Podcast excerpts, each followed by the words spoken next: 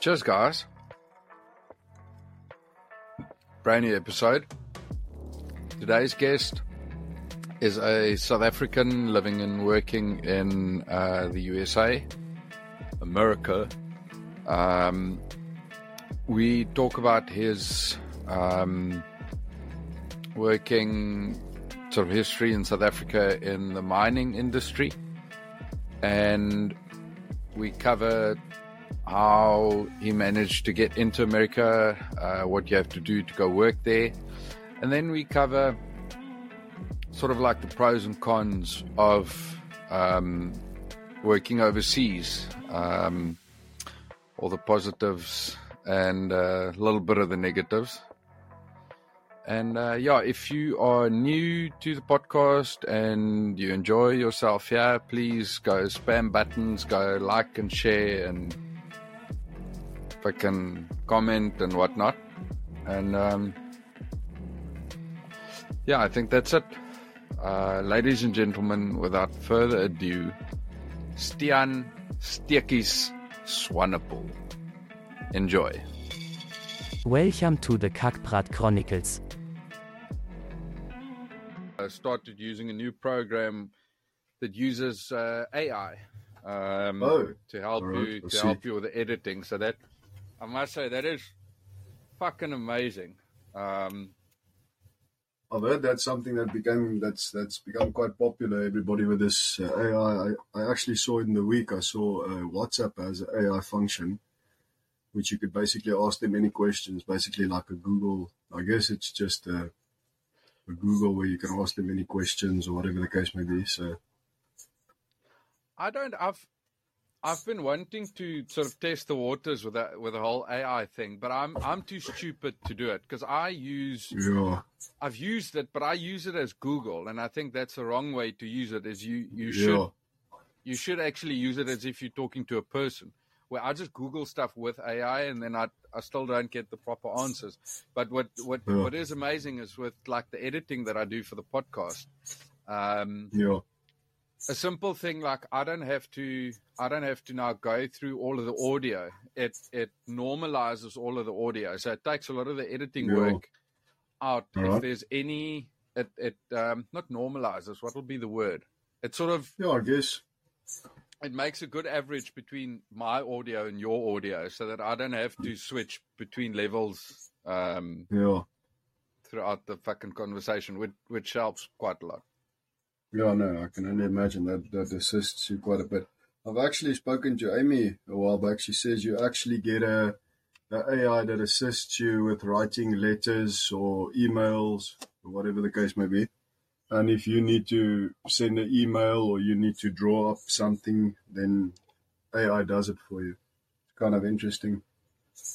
There's um there's quite a bit you can do with it. There's uh to I don't want to um I don't want to give too much away, but I've got an upcoming podcast with a guy where we specifically going to talk about uh, the use of AI in music. Oh, yeah. Where um where I, know there was a month or two ago, it might be a bit longer. There was there was a song that came out by Drake. I think is his name. I don't know who the guy. I know who the guy is, but I don't know the song. But where the Oaks are apparently not sure whether it's Drake that actually wrote the song or if it's AI. And there's so Yeah. much that you could nowadays do. There's apparently a shitload of kids cheating in school with AI, with with um, writing jobs and stuff like that. But yeah, that I think uh, uh, there is. I, now I'm gonna I'm gonna maybe spew a bit of shit now, but I know that there was the one of the main. I don't know if he's like the creator of ChatGPT, but he he was quite heavily involved with ChatGPT, and he got kicked out his own company, and then apparently they kind of lost control of ChatGPT, and they brought him back to sort of catch the reins there. So I don't know. I'm fucking scared. I won't say scared. I'm scared's not the word. I'm weary of using stuff like that. Because my immediately yeah. I just go fuck as soon as I log into ChatGPT, that thing's going to go to my bank and just drain my bank account.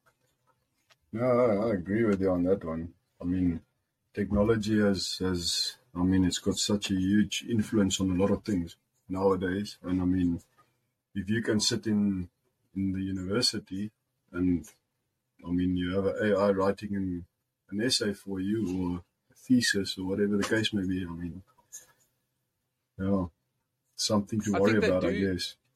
I think they do have um, fail safes for that though, because I think you can use ChatGPT or you can use AI to write you something. Why is my mic dropping yeah. now? Um, but you can also, I think, you can also detect that if there's something that's been written by ChatGPT, it should be able to pick it up so that people yeah. can also.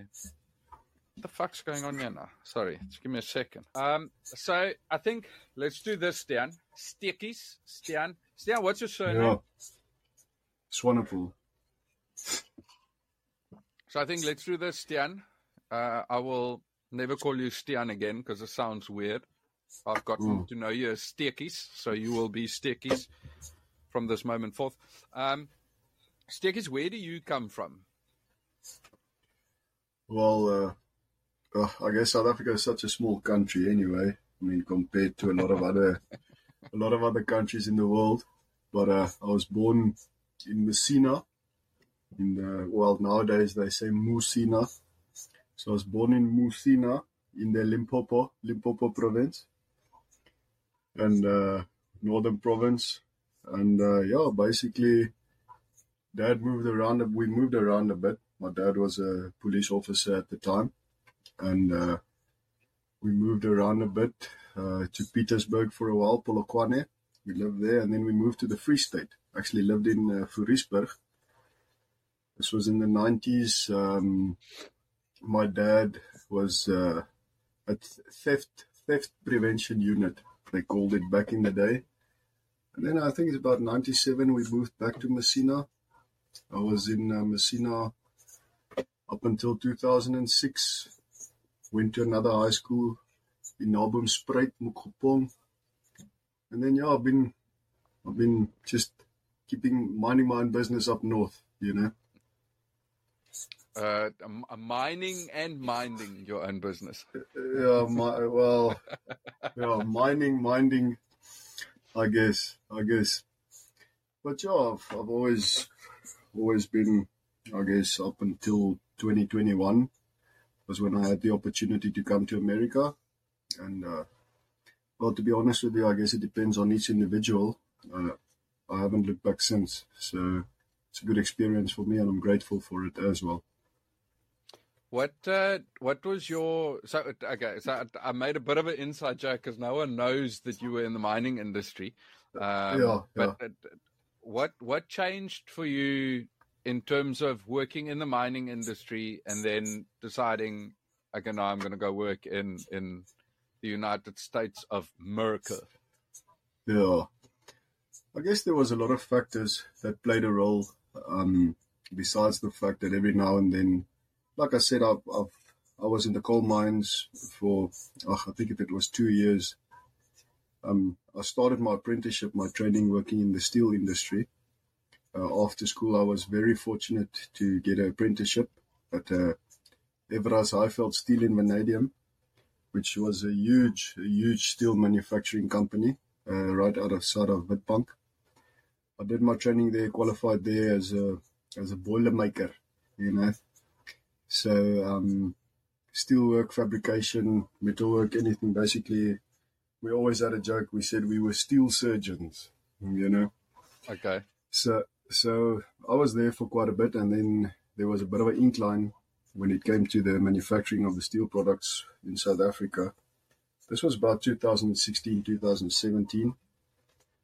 And then, uh, you know, it's one of those cases where you're running around like a headless chicken, um, sending resumes, sending CVs, trying to stay in the trade.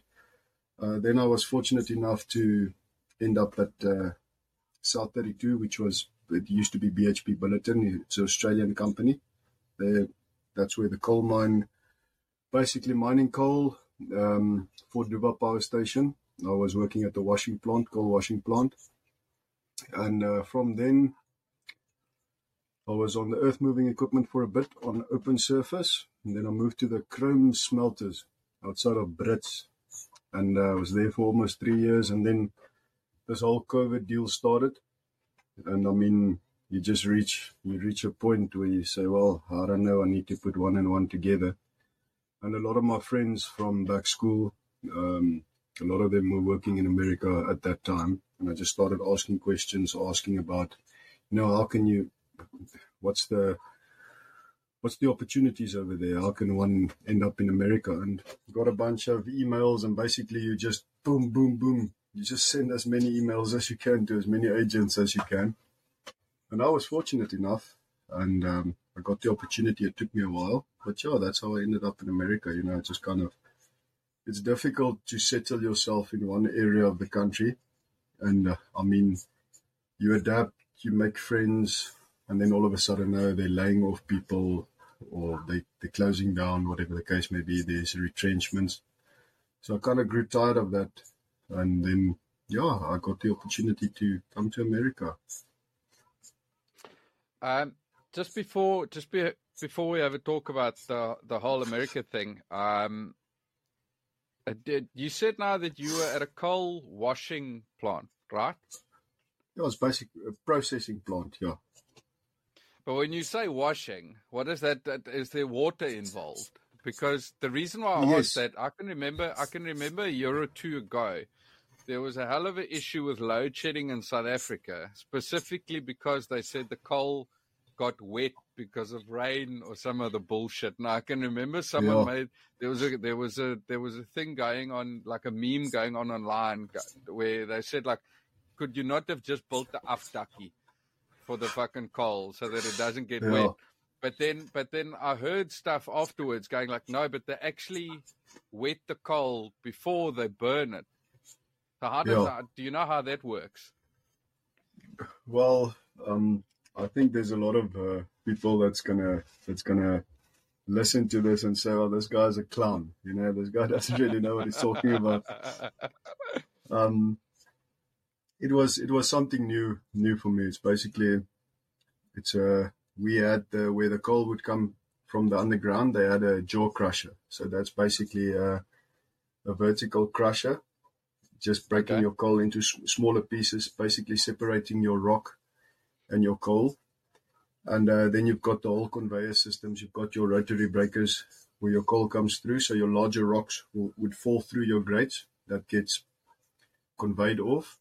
And then the rest we just go through the process where it's onto the next conveyor, onto the rolling, uh, rollering crushers is what they call it, where everything is basically a rotation process to get rid of the of the rocks or, or the poorer qualities, if I'm explaining it correctly. Yeah, yeah. Um, and then you end up at your at your washing plant where you, you basically have a bunch of processes where it is um, you've got your vibrating your vibrating screens, and uh, when I say wash the coal, I guess um, to get it is treated with water, obviously, to get your soil and your ground and all that stuff off of all, it. All the impurities off, yeah. Yeah, and then that basically gets that gets stacked on your reclaimer. So once your coal is ready for action, ready to get burnt, ends up on a reclaimer. I was fortunate enough, enough the the plant where I was working, we the coal that came from us went directly over the road, huge conveyor into Duvha Power Station. And um, so basically, your reclaimer stacks it in a pile, and you have like a rake rotating around it. Just all right gathering your coal down into another conveyor, and that would go, oh, excuse me, that would go uh, onto the power station. But obviously, they have their own, um, I guess, stockpiles over there. So, I mean, if you gave them coal this morning at six, they're not going to be burning it at seven fifteen. You know. Yeah. yeah so. Um, it all depends on. I've, I'm not. I'm not familiar with what they do on the power stations, what their processes are like. We just had to make sure they got coal to burn. That's all I can remember. It, when yeah. When when sorry, when they take the coal out the ground, when it's initially mined, What does it look like? Are they are they because I've never been in a coal mine, so do they have massive pockets where it's where it's just basically coal, or is it little pieces of coal and a shitload of rocks and dirt, or like what goes that first dump of shit that comes out the ground? What does that look like? Yeah, it's you know? basically a well, it's basically a combination a combination of both, depending on the on the type of of mine. I guess depending on the on the process, because you've got your open cast mines, and then you've got your underground. So you've got surface underground. So basically, uh, I remember, if I remember correctly, this was quite a while back. So this was uh, you had your drag line. They called it a drag line, like a huge shovel, just scooping shit. Yeah, and yeah. Uh, you've got you've got machines hauling it off. So yeah, it's basically a, a combination of a lot of things. So it's not to say no, it's a clean, pure piece of coal. Yeah. And um, they're also actually quite interesting. They had a lot of grades. So, as far as I can remember, South Africa used to burn the lower quality of coal, which the mines provided them, because your higher quality of coal used to be exported uh, to Europe. Of course, it is. yeah, it used to be exported. Yeah, no, it's it's funny, and uh, I don't I don't actually recall having load shedding. This was about 2000 and 15, 16. I don't recall South Africa battling with with load shedding that much. I remember 2008, we had a little yeah. bit a little bit of a struggle, and then I think, yo, these last few years, that's that's the one thing that's that's always been been on the news headlines, you know. And now nowadays, South Africa, they've got a minister of of electricity or energy or whatever. You know, I'm guilty for not really following, always following all the news back home. Yeah, even me. But um, oh, there's so much politics. I, I think the unfortunate thing about it is there's more corruption and uh, and more. I think it's more political aspect than it is uh, the fact that South Africa does have the resources. The resources are there. I think the, the, the biggest thing is just the mismanagement of it. I guess that's that. There's a lot of factors that contributes to that. So yeah, well, it's it's. I mean, it's the same with. sorry, it's the same with fuel. Um, oh, yes. where I mean, if you if you go up into North Africa, or well, anything. When I say North Africa, I mean anything north of South Africa. Mm-hmm. Yeah. But I mean, oh, yeah. if if you go if you go over the border, then petrol petrol and diesel is a fraction of the price that that you pay for yeah. in South Africa, and it all comes from South Africa, which is a fucking joke. Yeah. No, the majority of it, obviously. I mean, you look at countries yeah, like. All. Um, Sorry, yeah, majority. Yeah, yeah, the majority of it. I mean, you look at countries like like Mozambique. You look at um, you look at Angola. Those countries, they all have the they all have the abilities and the capabilities to produce their own fuel. I mean, their own. They they can re- produce their own their own materials, whatever it needs be. But unfortunately, it's one of those cases where it's just sold off to the highest bidder. So mm. that's just my yeah, that's just my opinion. It's my opinion. It's not something. It's not something that I read or something that somebody told. Uh, some uh, lecturer told me. It's just my opinion. You know, just observations I've been making. Yeah, let's let's let's do this uh, as a disclaimer. Nothing yeah. that is said in today's podcast is fact. This is all opinions between two people that know absolutely fuck all about anything. Yeah. yeah. this is just uh, this is just uh, a bunch of hearsay and uh, yeah. and all of that. Um, yeah, it's like it's one of those. It's like one of those incidents, uh, one of those evenings where you're having a braai, like a fire burning, and then mm. all of a sudden everybody's engineers and uh, everybody's uh, you know, they know everything. So I guess today is just one of those cases where we're just sharing our opinions, I guess. Yeah, today is a proper cockprot chronicle session where it's just mm. a bunch of cockprot. Um, I feel I feel like I do have to uh, at this stage thank you for stepping in. I had a I had a very late yeah. cancellation for tonight's episode. So you stepped in last minute. So this conversation is in no way, form, or fucking. There's nothing planned. We are Ja. just we we just ons praat net kak nou. Um, we we just ons praat net kak nou. Ja. So this is this is just a chilled conversation between friends. Um, it's it's actually weird. This is a bit of a social experiment, I guess, because me and you have actually never met. Uh, we both come from South Yeah. Africa, but but we met through through a friend of ours that also worked in America, and Yeah. um, we just became became friends through that. And I guess this is sort of like a little callback um, to the whole conversation about about um, not necessarily AI, but just how technology's grown through the years, and and how we are digital friends. Like I said, we've never met each other, but we've we've Oh, had some very deep conversations, and we've spoken about everything and and and anything. Uh, Yeah. and it's it's it's it's quite fun. But but let's get. I, I, I want to ask you a few a few questions about this whole America thing. Um, you said it, it. I know quite a few people working in America at this point from from South Yeah. Africa. Um, you guys mainly work through agents, hey? Oh yes, absolutely. Everything everything goes through agents. Unfortunately, well, regarding my knowledge, once again, um, as far as I'm concerned, uh, with my experience, it's you've got an agent in South Africa and you've got an agent on the American side, and they kind of the the people that does all your paperwork and they make sure, you know, they need all your. Some people, if you've got a criminal record, I, I mean, all that stuff. They do the background checks and all that stuff. So you can't really dodge the system, you know. Why why did you bring up a criminal record? Have you got a criminal record? No, no, luckily not. Luckily not. Not not in South Africa, my man. If you're in trouble and you've got a hundred rand with you, you're good to go. Yeah, you're sorted.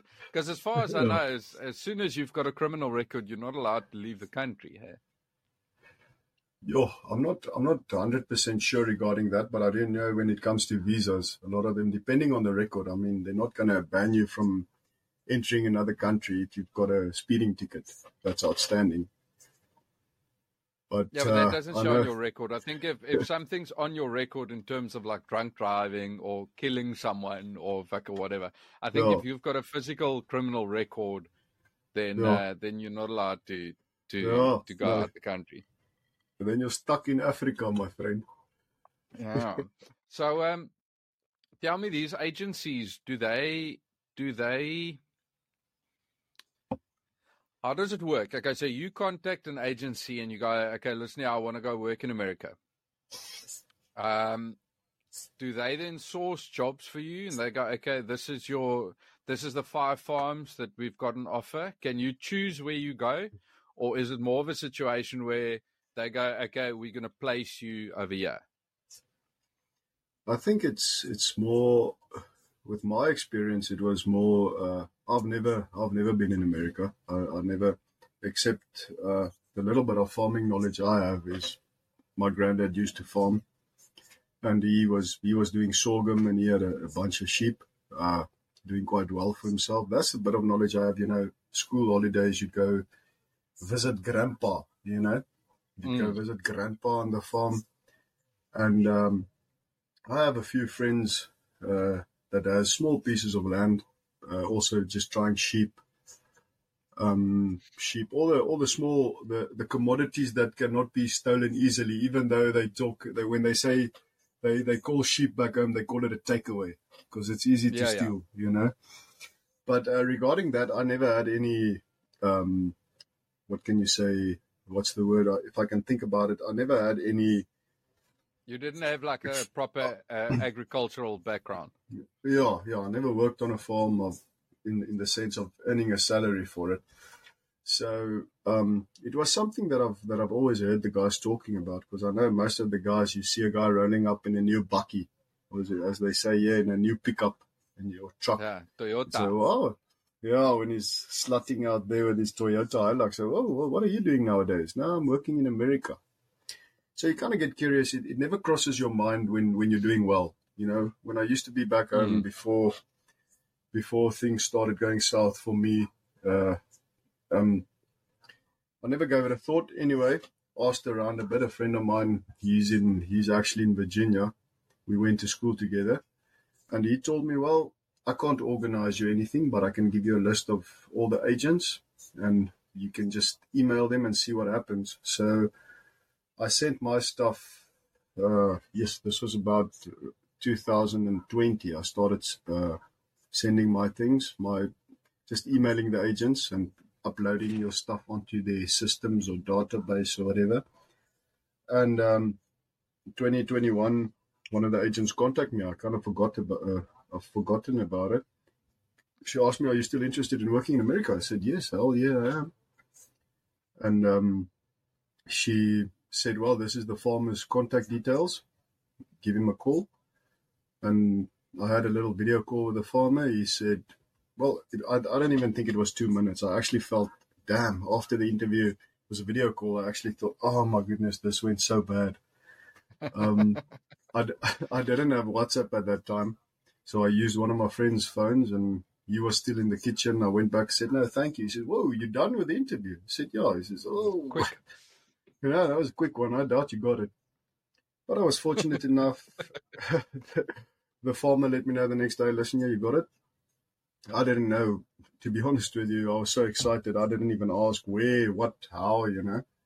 So I ended up in, in Kansas, um, Kansas in America.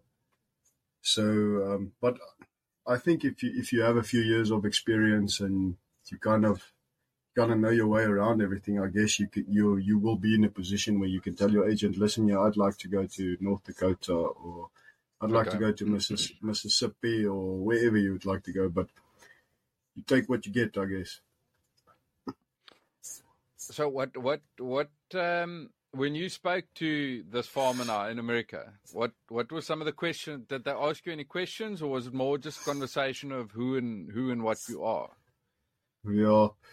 Um, If you can remember. basically, yeah, basically, I remember the, the signal was very bad. So, so it was kind of those, one of those videos calls where, where you were glitching like, Oh you know.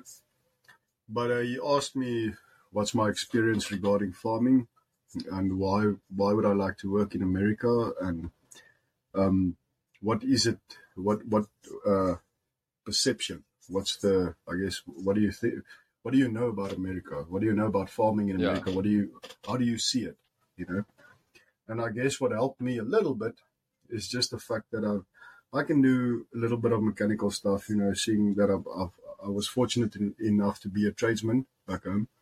So I guess I just kind of held on to that, you know, told the farmer, well, I'm a metal fabricator.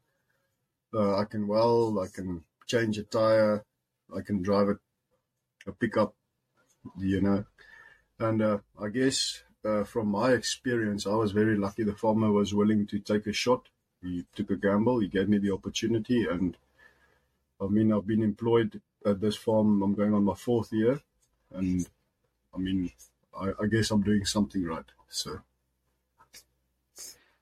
Uh, tell me, going going over there, as you said, now you've you've been there now. You're going for your fourth year. I've. It's always interesting for me talking to people that are overseas um, from from South Africa. Me coming, let me put it this way: me coming also from South Africa, moving to the UK. I thought it was going to be an easy shift. Um, yeah, where it's a Europe, obviously a European country. It's not that I'm going to, um, for argument's sake, an Asian country where the language is different, the food is Oh, different, yes. the culture is different, everything is basically different. I thought coming over here was going to be a walk in the park, yeah, but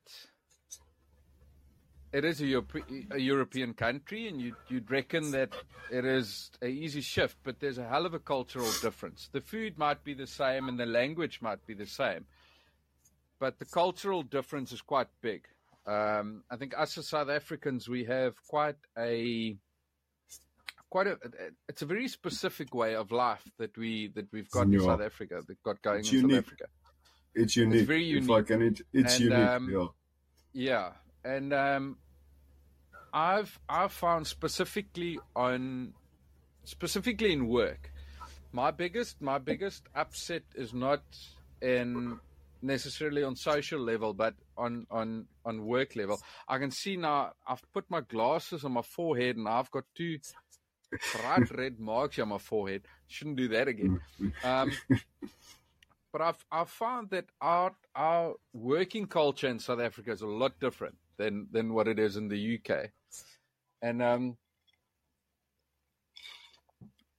especially in I'm, I'm obviously I'm also in agriculture, but I've I've found that um, the working culture is a lot different, and I I do struggle with the working culture over here, and the main reason for that is that work is so readily available, where people can literally, if they don't want to work here today, they'll oh, quit yes. because there's so much work available. The single most easiest little struggle point, they'll just quit and leave because they can find an easier job tomorrow for basically the same pay. Because because the the minimum, uh, what do you call it? Minimum, lo- not minimum loan. What do you call wage, it? Minimum, minimum wage. Minimum wage. Yeah. There we go. Thank you. The minimum wage is quite high over here. Have Have you found the same sort of thing in in America where it is? It is culturally maybe not that different, um, it is still a Western country and everything that accompanies that. But uh, how have you sort of have you struggled with adapting to the the social situation, making friends, uh, the work life, all of that? Um, I guess I think one of the one of the the the I guess the aspect of of being over here, you don't have that language barrier. You know, even though even though your mother tongue isn't English, but I mean we we did learn a bit of English in in in school. You know, we you had a had one or two English friends, and um, my mom's uh, married to a Rhodesian, so I kind of my personal experience that I, I, had the opportunity to to to learn English English from a young age and be able to speak it. But I, I always thought, to be honest with you, I always thought, man, English isn't a problem until you come to America. And uh, up until this day, I, I still have a battle with it, with understanding the way of pronouncing some words and, and um, the way they give an order uh, which is actually straightforward. I guess you just you just lose some English here and there. Regarding the culture, um, I mean it's the same. We've got mashed potatoes and gravy and all that stuff. Um, and you and I actually spoke about it a while back. Is uh, you get these people that that moves from one country to another, even though I, I haven't moved, but I'm, I'm I'm doing this on a contract basis, so I'll be in America this year uh, well, I stayed during the winter, so I didn't go home. Uh, so you'll have people that tells you, yeah, but they don't have this spice, or they don't have this flavor of fucking chips, or whatever the case may be. But you should. Yeah. You and I spoke about it actually, and you and you are actually the mm. one that that kind of opened my eyes to it, because you said, but you must remember, you can't leave your country and expect the country that where you're going to expect them to have all the things that you're used to or what you know. So, yeah.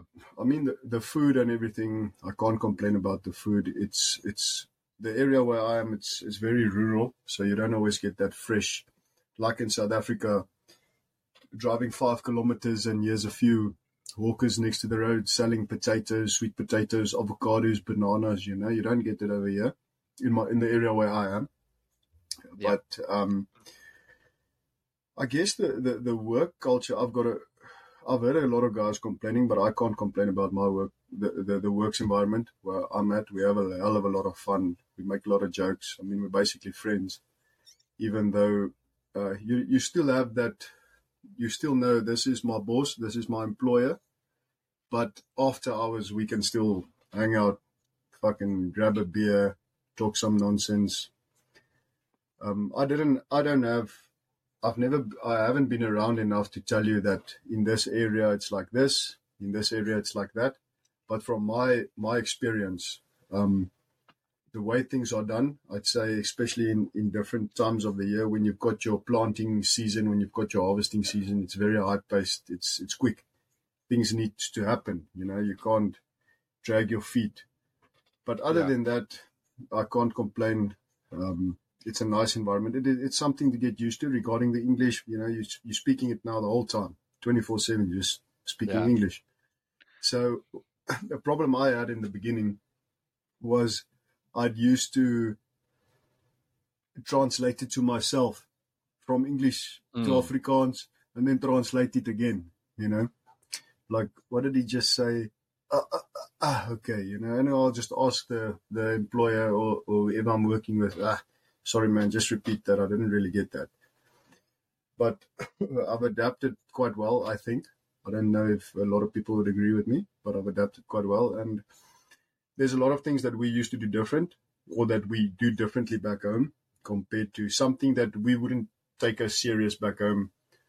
That over here, it's, oh my goodness, my man, it's, it's the end of the world. Where we would back home yeah. and be like, nah, you know, it's not that bad. But, um, yeah, it's something to get used to, but you do adapt pretty quickly if that answers your, your question. Yeah, no, no, no, no, I, think I can add to that. Um, like you said, now the the the little things in South Africa that we would just walk by in terms of I've picked up, yeah. Um, in in South Africa, you would say, for argument's sake, when I used to talk to my team at the start of the day, I would say, um, ons moet gou vandag dit en dit en dit doen. We we we yeah. must do this and this and this. Over here, you can't say that. Uh, you you can't say, um, listen here, you must please take that tractor and move it over there because that must. You have to. You can't say you have mm. to because that's fucking aggressive over here. Oh yeah. You don't tell yeah. someone you, you you you ask people would would you mind moving that tractor over there? Yeah. That, that's something that I that that simple little thing is something that I had to get used to very quickly over here. Because it's, it's I think we as South Africans come across I don't know if it's your experience over there, but it, it is a definite thing over here. We as South Africans do come across as very aggressive. Yeah. Um, and it's not, I don't think it's something that we actively do. It's just we are used to doing it in a certain way in South Africa, where mm. over here you have to you have to mind your p's and your q's. Um, that oh, yeah. was definitely my my biggest barrier to entry over here.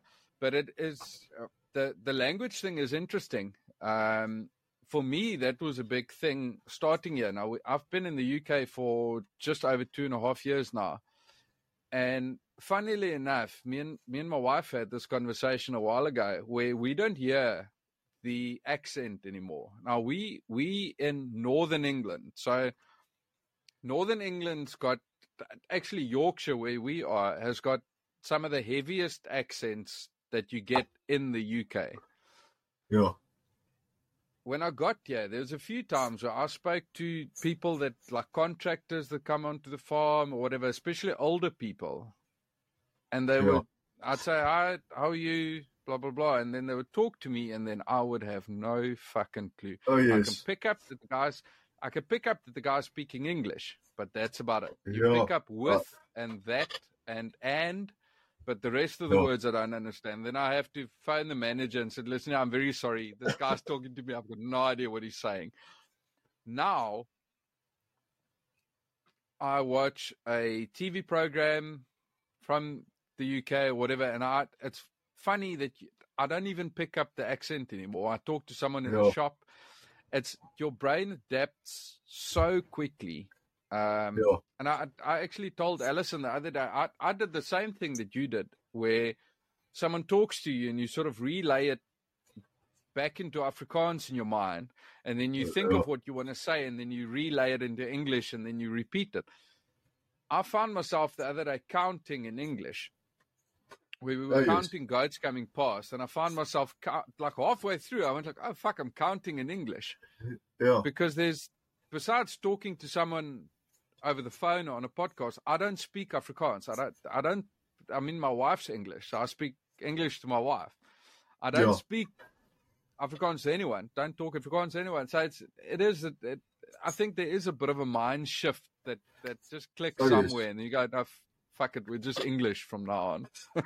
yeah, no, definitely. Now that you've mentioned that, I can relate to that. Uh, my first year I came over here, well, even up until this day, I mean, I was raised in an Afrikaner household. You know, you your your mom would have a bunch of chores lined up for you after your homework, and then your mom would ask you, "How far are you with your homework?" No, I just have English homework left. She says that. Don't worry about that. You know, that's that's how we, that's that's how we saw English. You know, we didn't think a lot about it. Uh, in school, in school, you were speaking Afrikaans in the English class. You know, so um, so it's it's it's one of those things. Uh, and I actually, it still happens to me. Somebody, an American, would tell you a joke, or they they they're excited about something and they get all carried away, and you just wait for them to start laughing, and you'll be laughing as well. ah, yeah, you know that's funny. Yeah, but but you never got it. You know, you never got the joke. Yeah, you just pick up on the tone. yeah, I have to laugh. Oh, yeah, that's a good one. But I mean, you never got the joke. Yeah. No, so, I've, I've, had a few. I've had a few guys here, and there's there's uh, one specific guy on the farm that fucking hell I struggle. We had we had a guy from Ireland working here uh, for about six weeks, and it took me fucking four of those six weeks to well, just understand because he he would say something. Like I said, I mean it's they they're speaking English, but Oh. I mean, you guys in America, the twang. There's such a twang on the words that it's just uh, it's uh, it's just fucking different. I've, I've many a times I got home after a shift and then I, I, I just fucking sat in silence because I'm just so fucking tired of listening to something that I had to that I had to sort of spin through my mind the whole time, going, "What yeah. the fuck did the, what did this guy say now?" It's, it's, and it, it is no, something that it. you can't ex- you can't explain to someone. Um, you you you have to live it. You have to be in that situation for, for yeah. someone to understand. But I, I, do feel like we're getting a bit in the weeds here, talking about bullshit that people might not understand. Um, no, tell me quickly, your your working visa that you've got now um, in in America does it does it allow you only a certain amount of months, or for how long can you work in America on your working visa? So, so basically, uh, you get you get uh, a winter visa and a, a, summer visa, if I'm correct. So I had to reapply for the winter visa when I did the rollover to stay during the winter season in America. So uh, it binds you. So this winter visa is uh, can you say legal or valid, whatever, for three months. Mm. So mine's okay. mine expires in, in March. Then it's renewed. You reapply for your for your summer visa, and then um, that's nine months. So normally my first two years, I used to leave end of December. Um, I was very. Uh, some people would say unlucky, but I was lucky. I always flew out on the 31st of December. Then the airports are quiet you get back home, everybody's hungover, babalas, you know, so the roads are quiet, everything's chilled. Yeah. But your basically the visa which I'm on is a, they call it an H2A visa, which is, which is an agricultural visa, and that is on, on in the summer months. That's normally a year from from March up until November, December, and then your winter visa would be January, February, and March, which I'm on now. So it's still a H2A visa which is agricultural visa for your your seasons, I guess. So your summer one would be nine months, and your winter visa would be three months. So, but is there not? Is it? Don't you guys have tax implications in terms of how long you work in in America? Um, oh, it's uh, I don't like that word. You know, I don't like that word.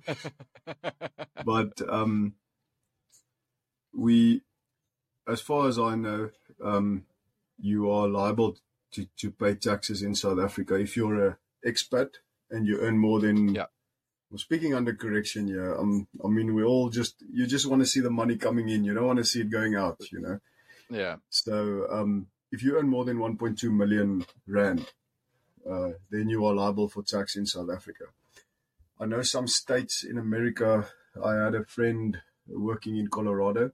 He, he paid taxes in Colorado, uh, Colorado, but uh, he paid taxes. But in Kansas so far, um, I'm not sure if it's something from my part or from my side that I should look into. But I do know that um, you you don't pay taxes on this side. It's it's actually a big spoil. I guess that's why a lot of people wants to do this because you come to America, the farmer gives you accommodation, he gives you a vehicle, you get a good salary, and um, you don't have all those expenses like you would have back home. But uh, regarding the tax, yeah. The the the reason why I ask is um, uh, well, a few years ago, when sort of when my when my age group of friends went over to the US, um, they used to only be able to work for eight months at a time outside of South Africa, because if you work for more than the eight months, you used to pay super tax. Then you'd go yeah. to like forty five percent tax um, But if you stay for less than that, you'd only pay like 17% or 20% or whatever the case may be.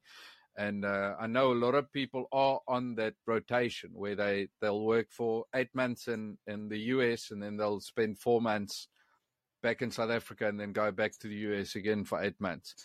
Um, so was, it's always an interesting thing about the tax because for me as well, we also have a bracket where if you if you earn above a certain amount, I have to pay tax here and in South Africa, even though I've even though I've I've immigrated, um, I've not immigrated financially because I don't have a British passport yet. Um, yeah. So so we also have to take a very close look at what we earn, because if you go above yeah. that, we pay basically double tax. Yeah. I do know I've got a friend back home that normally does my taxes. Um, every, I think it's, oh, I've even forgotten when the financial year ends in South Africa. I can't remember it, if it was March or April. I think it's like um, February, March, April, there about. Uh, yeah. Doesn't so really he normally, matter. He, yeah, you know, he's got all my stuff. He does. He lets. These last few years, he's just told me, "Now you, you're good to go." So um, you log on to the website of the revenue services and you do all your stuff. So, like I told you, it's nice to see the money coming in.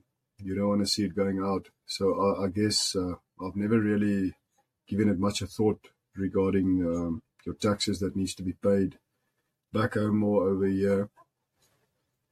But um, I do know that this, the the the amount of money we earn, it's nice when you do your your uh, the rate when you do dollar to rand, you know. Mm. But um, our in our, our the salary or your income is just not high enough, I guess, to to be liable for a heavy heavy tax. I don't know. Yeah. Okay. Stickers. Um, let's just take a piss break quickly. Uh, okay, I, I, just need to. I, I need to whittle. I'll be back now. Okay. Um. All right. So we're back. Uh, piss break's done. Um, Stekkies, I know we've we've spoken quite a bit, uh, obviously before the podcast over the oh, past yeah. few nights, not not the past few nights, but previous nights that we've that we've spoken. Um, we have spoken about how we keep ourselves busy, and and for me, uh, the podcast is a big is a big factor of keeping myself busy and and sort of keeping in touch with that little bit of South African that I've got left in me. Oh, yeah. uh, because there is, as as we've said now, there is a bit of a cultural difference um, between South Africans and the rest of the world. Um, I, I want to ask you sort of how you how you keep yourself sane and how you keep yourself busy yeah. while while overseas. Yeah. No. Well, I guess uh, there's a lot of things that we've got. We've got this culture back home. You know, you're growing up, you go shooting a few pigeons or doves, or you go shooting some guinea fowl. So what I like about this side is there's still that culture where you can take a rifle, go into the field, go shoot a few birds, shoot shoot. Uh, if you if you're lucky, we've been shooting a few coyotes uh, over this winter season. That's been bothering with the cattle. Um, so I've got that that that one small little thing that you keep yourself busy with. But other than that, in my personal capacity, I mean, you can still carry on with the things that you normally do. I enjoy reading. Um, I do write some some poems. They don't always rhyme, but I try to do stuff like that. but um, it, it does get difficult. I mean, you've you've got your family over there. You've got your wife. Got you've got your boy over there. Um, mm. when when you're in America and there's not always a lot to do, you do socialize. I mean, sometimes you do feel that your social, you've reached your your social limit, you know. But um, regarding that, um, I try. I think everybody handles it different, but I try to kind of stay out of my head, you know, because you've got yourself thinking, oh, you know, yes, if I was back home now, I would have done, done this, I would have done that. But I'm in America. I keep myself busy. You go drink beer, you go drive around. I mean, you've got friends over here, you've got people here. So it's just to, to, you need to get out. You need to get out and see places. You know, get in your vehicle. I mean, there's so many, there's so many beautiful places in America that that people aren't aware of, you know, and there's so many things that I would, so many places that I would love to see, places that would that I would love to go and visit. Um, but it's up to you, you know. You have to keep yourself sane, keep yourself busy, carry on with your little hobbies. Um, yeah, I guess, I guess I keep myself I out of trouble. A, I try to at least. I think that's that's it. I think that's a that's a very good point that you brought up. Now, is you you have to kind of keep doing what you what you used to do in South Africa. Um, yeah. I'm I'm on I'm on quite quite a few of these uh, expat groups on on for argument's sake, like Facebook, and it's yeah. always interesting for me to see people that have immigrated, and then within three months, four months, they move back to South Africa because then they complain about simple stuff like they complain about the weather in the UK. Oh, and oh, yes. then I always think like, for fuck's sakes, did you not Google England? Like, did did you think that oh. we are in the Bahamas? Did you think that you're going to get 18 months out of 12 months worth of sunshine? Yeah. It rains the fucking yeah. whole time here, and yeah. it's cold, and it snows, and it's shitty, and the wind blows, and you've got every second week we've got a storm from the north, and like I, I, I can never understand how these people move here and then they go, oh, no, fuck, it's too cold. Yeah, I, I, it's a simple thing like that. And I've had I've had so many conversations with, with friends of mine that are over here, that are in America, that are in Australia, New Zealand, and Ireland yeah. And the okes that really make it are the okes that go, listen here, I love a braai. And I'm going to braai, whether it's raining, whether the wind's blowing, whether it's shitty weather or good weather, whatever. Because it's that you sort of you you, you keep hold of that little thing that yeah. I almost want to say that makes you a South African, that that makes you that it's just that and it's such a simple little thing where me and my wife have kind of like this rule where at least once a month or once every two months, we'll just drive out on the farm. We'll, yeah. we'll obviously pick the good days, but we'll just go the furthest point of the farm and we will make the tiniest little fire just so oh, yes. that you can sit out there and enjoy whatever view you've got and whether the sun is shining or not. If it's cold, you put on a jacket and it's just that little piece of looking at a fire, looking at a. Oh yes. Jy maak net bietjie vuur, net bietjie. It's just yeah. it's just that. Ah, there we go. There we go. That's that's what recharges the batteries, and I think that's oh, what so many people miss. Coming back to what you said earlier, is you have to immerse yourself in the culture, otherwise you're yeah. not going to make it. You no. can't expect you can't expect to move to in in my instance, you can't expect to move to England and then expect South African weather, expect South African food when you go into a shop, expect You you can't make England South Africa. It doesn't work like that. Yeah, yeah. Um, so you have to deal with that. But it is it is I think it is a very crucial thing to also just try and keep up a little bit with with your original person. Yeah. I, I think I think uh, just to add on to that, I think a few years back it, it might have been a bit more difficult. But what what makes it easier nowadays is you've got all this technology. I mean, I've Oh, got yeah. an app on my I've got an app on my phone. I'm listening to RSG. You know, I'm sitting in America listening to RSG. You know, um, sitting in a tractor or sitting in the sprayer, sitting in the combine, listening to to RSG or working in the workshop, switching on the Bluetooth speaker, switch, connecting it to my phone, listening to a South African radio station. Um, you've got uh, you've got uh, services like Amazon where you can Mm. order you can order spices from from South Africa. You can order six guns grill. You know, you can order Freddy Hirsch. Yeah, you can order. I mean, you go onto the website. You can order Castle Lite. You can order Hansa Pilsner. Whatever you want. You know. So it's not. It's not that you're living in this squared box where where you are where you're you are limited. Now I need to drink American beer. I need to I need to eat American food. I need to. I mean, it's it's it's become so easy. You can live in America. You can use South African spices. You can drink brandewyn, you know, brandy from South Africa. You can you can make boerewors. You can make biltong. I mean, you've got all these things Yeah. going for you.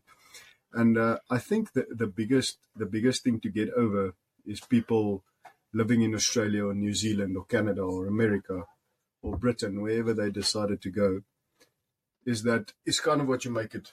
You know, you can't tell yourself, "Hey, I'm I'm here," but no, they don't. They don't have Richelieu. They don't have Bolton. It's it's what you make of it. And as soon as you can cross, as soon as you can cross that barrier and tell yourself, you know what, this is where I want to be. I love the people. I enjoy the, the area. I enjoy the place. This is what I want to do. That's what you do. Yeah, it's um I think that's what makes South Africans unique in that sense is we are adaptable. Oh yes. And uh oh and yes. I I think it just it just shows at this point in South Africa as well where fucking hell ek's is sitting without water, ek's is sitting without fucking electricity and Oh, yes. instead of instead of bitching and moaning uh people are fucking putting in solar and people are getting fucking generators and blah blah blah and Yeah. it's just you just roll you roll with the punches and i think that's that's what makes uh that's what makes people coming out of south africa at this point almost a commodity that's why yeah. we Oh, are so employable is because we are adaptable. You can you can put us anywhere in the world and we Oh, will yes. fucking shine bright like a diamond. oh, that's that's that's the absolute truth. Um, and I mean, I don't I don't want to get into the politics, but you you listening to the news and how things are going in South Africa. I mean, I, I can't.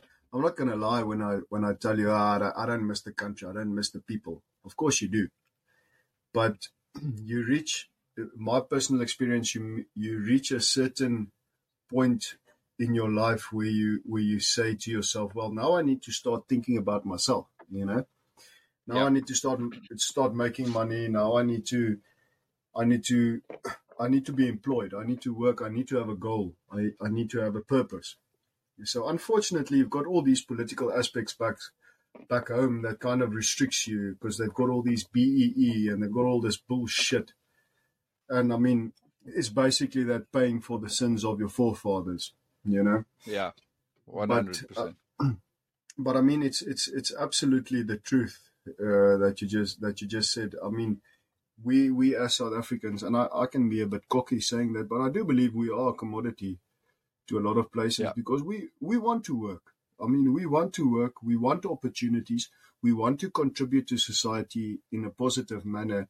We want to feel that that we are we are doing something, even if if I'm just sweeping floors for ten hours a day. If I can do that and I am serving a purpose, and you are satisfied with what I'm bringing to the table, you know that is the that's the type of people we are, and that's why we're so popular. I mean, you fly back home, you land in in Amsterdam in, in, in, in Amsterdam on the airport, you meet a bunch of South Africans. Hey, no, this one's in Panama, this one's in Canada, this one's working in the British Virgin Islands, this one, this one is in New Zealand. And I mean, if if they did not want us in the because if we didn't mean anything and we did not contribute in a positive manner, why are we there? You know? Yeah. Yeah, that's that, that that's fucking interesting because even okay, so we are obviously very close to Amsterdam. Yeah, it's just across the North Sea. Mm. Um, and when we went, we we went on on holiday last year, March. Um, and we flew from Humberside here to Amsterdam. Spent about six hours in the in the in the airport there, and then flew to Joburg. And um, I can't remember if it was going there or coming back, but there was probably, I would say, a good 40% of the airplane was South Africans, English speaking yeah. and Afrikaans. Sit, you could sit because we were sat there waiting. Yeah. Obviously, we had, like I said, we had six. I think it was four or six hours to kill, and uh, obviously, I've got obviously I've got a I've got a three year old that we have to keep busy, and this fucking oh, yeah. kid is just everywhere. Um, he's he's he that kid's just as autistic as I am. So he's running everywhere and just talking to everyone and running. Loves stairs. So as soon as there's stairs somewhere, he goes up and down. Blah blah blah. But it's I, I had to I had to sort of catch myself because you can't in a in an airport like that that's an international layover. You can't just say, "Hey, hierdie fucking doos at this time." Because the guy would most likely, the guy would most likely understand you, and yeah. um, you can always spot a, you can always spot the South African with a kort broekie and a what's that um, uh, oh. what's that jacket that um, Cape Union Mart jacket, man. No, oh, man, Cape that, Union um, Mart. What's that Cape Union Mart? It's not the Cape oh, Union Mart brand, but it's a. Uh, North, not North Face. Oh, yeah, North, yeah, isn't it? Isn't it North is it Face? North Face? Yeah, something like that. But you can always spot that. Spot yeah. that guy's like, no, no, no. He's he's heading to America. It's always no, interesting he's, spotting he's these on his way. I remember. I remember my first year. I came over. So you you get this list from the from the uh, agent that this is the locks you need to use TSA approved locks and this is the stuff you need to be carrying and this is what you need. You know, kind of like a new adventure, you know? Mm. And um and uh, I got these young okies there in Pretoria. You know, they're in the Grove shopping shopping center walking around. So I'm into I actually going to a I think it was a Cape Union Mart. And uh I see these guys with their shorties, you know, wearing uh kort broekies en lekker khaki shirts. And uh, hey, are you guys getting to America? But young boys, man, 18, 19 years old. I wish, I wish I could have, I, I had the opportunity when I was that young. Mm. But uh, yeah, now we're going to America, you know, and you, and you don't know what to expect. I mean, I remember my first day, I got to the farm. Farm said, no, just bring that semi around, that truck, just bring it around, pull it over here. And oh shit, I don't know how to drive a truck, you know? And, uh, that's kind of kind of all the, the, the challenges you, you face over here. And and uh, I actually yesterday I moved around a bunch of stuff in the in the shed, and um, it's all these machines, and I'm like, yes, you know, I'm I, I feel kind of good the fact that I can operate all these machines and the knowledge that I've gained. Because the first year I came over here, I didn't want to do anything. I didn't want to drive a tractor. I didn't want to do anything because you didn't have the basic knowledge of it. You didn't know how they want mm. it to be done. You know, but yeah, it's kind of interesting to see all the South Africans all over the show. These guys are working on a boat. These guys are these guys are picking picking fruit in Britain. You know, it's it's very interesting. There's, there's uh, for me one of the most amazing things is you walk into a random shop, whether it be like a co-op or just like a Tesco or just like a like a supermarket or whatever. And then as soon Yeah. as you go out, uh, thank you, whatever, then they go, so where's that accent from? And then I I like to go, well, guess because we never Yeah. get South African. We either get New Zealand or Australian. That's Mm. our two main main guesses. And they go, no, no, no, I'm South African. And then 99% of the time, people go, oh, yeah, I've got a friend that's South African. He lives over there. He's been Yeah. here for 22 years or whatever. Yeah. And, and I mean, most of the groups, I'm I'm I'm in one specific group, uh, Saffers in East Yorkshire. Now, East Yorkshire is fucking small. Uh, if you if you put it up against South Africa, East Yorkshire is is a little fucking town almost, and there's like. I'd say probably about 1,500, 2,000 South Africans in just in East Yorkshire, not even just in Yorkshire. Yeah. So Yeah. it's it's amazing. It's amazing how many South Africans you get all around the world. And um, I mean, for you accents in, in, in the USA, like I said, I've got quite a few friends working over there, and, and it's so easy to find another South Yeah. African while you're Yeah. overseas. It's just like, oh yeah, no, there's a few guys over Yeah. there and a few guys over there. It's it's quick, and then you have a braai. Yeah. Now over, over here, you want to meet a South African, you go to Walmart. You go to Walmart on a Sunday, and then you'll that's where you'll get the South Africans. You know. I'm I'm gonna break my own rule now, but I've got a kiff story. Um, we were still, I think we were still in South Africa, and I had a friend working in the USA, and he was walking in. It, was, I think, it was a Sunday. Doesn't matter really. And I asked him because I mean the the WalMarts in in in America are they're massive. It is. Yeah, they're huge. It's a town, It's- and it's it's a town in itself almost. yeah. And I asked, I asked them, do you think that there is another South African in the shop? Yeah. And he said, well, there's only there's only one way to find out. And he shouted at the top of his lungs. He shouted, "Yo, ma, se-" I'm not going to say it, Yeah. but he he shouted, "Yo, yo, ma, se basically at the top of his lungs, and then stayed Yeah. quiet for a little while. and said, "Well." No one gave answer. No one called back. So he's guessing he's the only South African there. Yeah. And. I love, I love that that's become the calling sign because I, I must say, my wife, my wife, is is uh, a bit more conservative than I am when it comes to that sort of stuff. But I also kind of do that every now and again. I'll I'll walk into a shop and just speak Afrikaans like very fucking loudly. Okay, yeah, hey, yeah. Hey, julle naiers, verstaan julle my hierso? and then just see who answers back. And I, I've never received an answer back. I've had once Luckily. where I walked into, luckily, I've, I've had once where I walked into a Sainsbury's over here Yeah. and I bought, I bought, uh, uh, I bought tobacco. And the woman said, hey, I can, I can pick up that you're not from here. And I said, where do you think I come from? And then she, she switched and said, yeah, no, jy's 'n fokker Suid-Afrikaner, you bliksem. Oh my I said, goodness. ah, okay, there we go. Uh, Uh, she's from can you believe Joburg. Uh, she she she worked here locally. She's from Joburg, but they've also been here for like fucking twenty two years, I think. Yeah, no, it's it's it's very interesting, and it just shows you that I think one one must always remember, um, especially when you're young. You know, I wish, I wish, like I always say, you know, you, you wish there's a lot of stuff that you would have done when you were younger, working abroad and stuff. But you're not a tree. If you're not if you're not satisfied or happy with where you are, I guess you can always just send send your resume, Just see move. what happens. Yeah, just move. And I mean, there's a lot of South Africans all over the show. So I mean, if if it works for for one individual, why why will it not? Why would it not work for you? You know.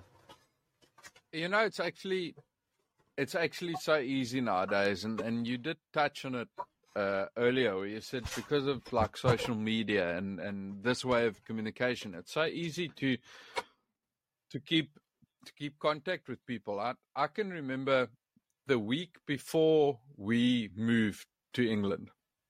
Yeah. we were kind of like on a little family holiday just for like the last week and my uncle one night, uh, we we we were sat next to the fire, had a bit of a braai, and everyone went to bed, and it was just me Yeah. and my uncle. We had the last few drinks, and he told me because he he I think he coached rugby in like the early two thousands, maybe late nineties, early two thousands. He was a Yeah. rugby coach in in in Ireland somewhere, and he's he he told me outright. He says, "Do you know how big of a mistake you're making now?"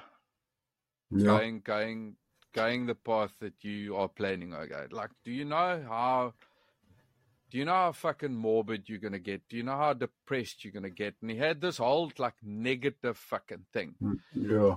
and and i just told him it's just, you, you need to remember it's not it's not fucking 1995 anymore it's Yeah. because his his main thing was you need to understand that you don't see the sun. There's no vitamin D. There's fuck all. Yeah. You're not going to get a tan over there. Yeah. And also, you don't you don't know anyone. You can't call home. You can't talk to anyone. Blah blah blah. And I said, but no, you're misunderstanding, my man. It's so easy. I could just call you on WhatsApp. Yeah. If if I get the tiniest bit of loneliness, then I just you can just call someone, and then Yeah. you get that little bit of South Africa, and it's it's become so easy for South Africans to immigrate, and not just immigrate, but just to go work somewhere.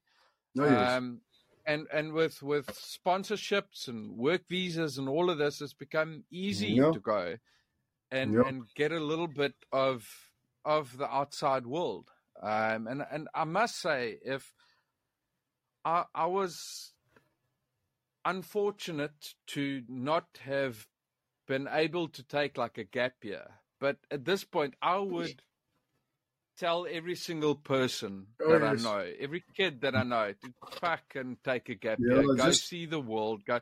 If if if money wise you are able to do it, fucking go. Go Yeah. for a year, go see the world, do what you want to do, get that out your system, yeah. and then decide what you want to do. Because the the Earth's the world's become so small, my man. Yeah. No, it's it's it's it's definitely it's exactly the way you put it. You know, it's I mean there's so many opportunities. There's there's Yeah. so many there's so many things out there, you know? And and I kind of think about it a lot of times like growing up, you know, we had this culture where where you must get a job you must get a car, you must get a wife, you must get a child, you must get a house, and you must make a loan to buy the house. And uh, You must. I love that you say You you, must. you know that's that's that's the thing. I, I remember, I remember my biggest thing, as I said earlier, I was so privileged and fortunate to to get the opportunity to do a trade and become a Mm. tradesman and and and earn a, earn, earn a decent salary back home. I was 22 when I when I had property. You know, I bought property, Yeah. and and I was in this in this groove, in this vibe. You know, I'm I've got the car. Yes, I finally got the house. Now what do I need? But yeah, you know, whenever I meet anybody, uh, uh, uh, younger younger people as well, I tell them, go see the world. Go travel. Even if you are if you do au pair if you look after somebody's child if you whatever you do go see the world before you end up in a situation where you're in your 30s and you tell yourself man i should have done this. I should have done that. I should have given this a shot. Go see the world. Go go live a little you know and and like you said the world has become so small where you can get on a plane you can apply for a Schengen visa. You can go to France. You can go to Italy. You can go to Denmark. You you can do all these things. All these opportunities are there. You know.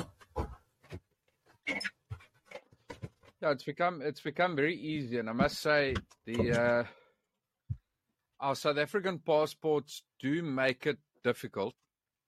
Oh yes, You can't does. go. You can't. You can't necessarily go wherever you want to go, but the working visa does does uh, put some stuff in place.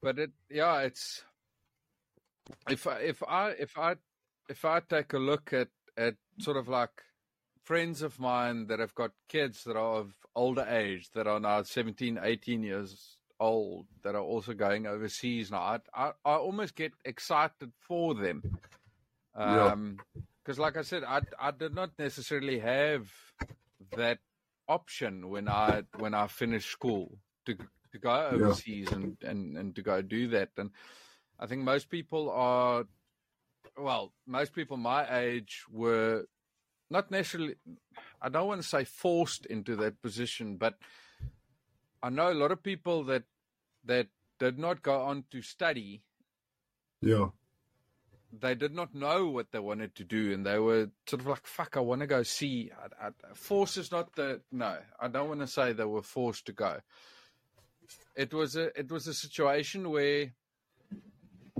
you know what no i actually want to say forced because their their mindset put them in a situation where they said oh, fuck i don't want to work here I, I, I want to go see something, and their mindset almost forced themselves to go overseas. And it, it's such a kiff thing to do because I, I know of one specific guy. I don't want to put him in the spotlight. Um, I'm not going to say his name, but I know he went to South Africa. Ah, South Africa, South African that went to to work in America, and I know for a fact his first year was fucking tough. Yeah. Went back to South Africa and decided he's going to go work.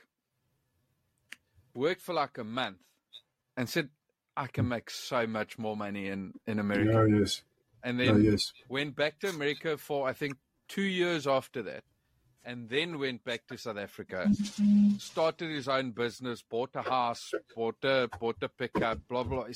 He was able to set himself up for life basically. I mean, he he made enough money in three years' time in in the US that he's now able to live very comfortably in South Africa.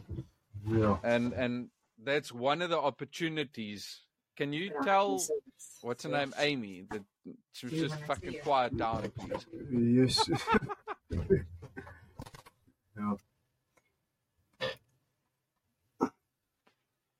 But uh, I think we do we do as South Africans we do have the opportunity to go overseas because of the because of the the because our rand is so shitty at the moment. Yeah. If you go any place outside of South Africa, you make so much money if you work overseas for a year or two and then go back to South Africa that you are able to set yourself up, like I said, fucking for life. Yeah, yes. No, definitely. That's why I tell you for and and a lot of young people just need to use that opportunity and and realize that there's a world out there. And I mean, even don't be scared to take a chance. Don't be don't be afraid of taking a chance. I mean, go see the world. Go go see the world. Go live a little. Don't don't get caught up in in all these pre pre designed ideas that we have to do this, we have to do that, we have to do this. You know, times are changing and you need to adapt to it. Definitely, definitely. Um, Stekkies, I want to say thank you very much. I know you've got some work to do now. Uh, I'm yes. not going to keep you any longer. Thanks no. for taking the time and thanks for filling in on short notice. Um, yeah. I've I've I've had a hell of a good time. I'm not gonna. No, my friend. Cheers. Let's let's do this. Cheers. Cheers, my friend. Um, Cheers. I'm not going to ask you where people can find you online because I know you've got zero signature online. So no. um, I think all I all I want to all I want to say is uh, if people want to go to America, go find a fucking uh, agency or mm. some other person that works there. They'll they'll give you yeah. a fucking slot can, and then you can go. I can I can even send you a list of all the. I'll send you a message, a list of all the agents that um, that there is, and you can even post it somewhere. If anybody is ever interested, I can send you the list, and you can put all the agents out there, and people can just contact them and give it a shot. You've got nothing to lose. I think that's a great idea. Send me send me through some of those links, and then I'll put it in the description. If there's anyone that wants to go work in, in America, then they can just follow the links and take it from yeah. there. Absolutely. Thank you very much, Philip. Great stuff. Stekkies, thanks for your time, mate. Um, enjoy the rest of your weekend. You too, my friend. Be safe. Okay. Cheers, bud. Bye bye. Cheers, man.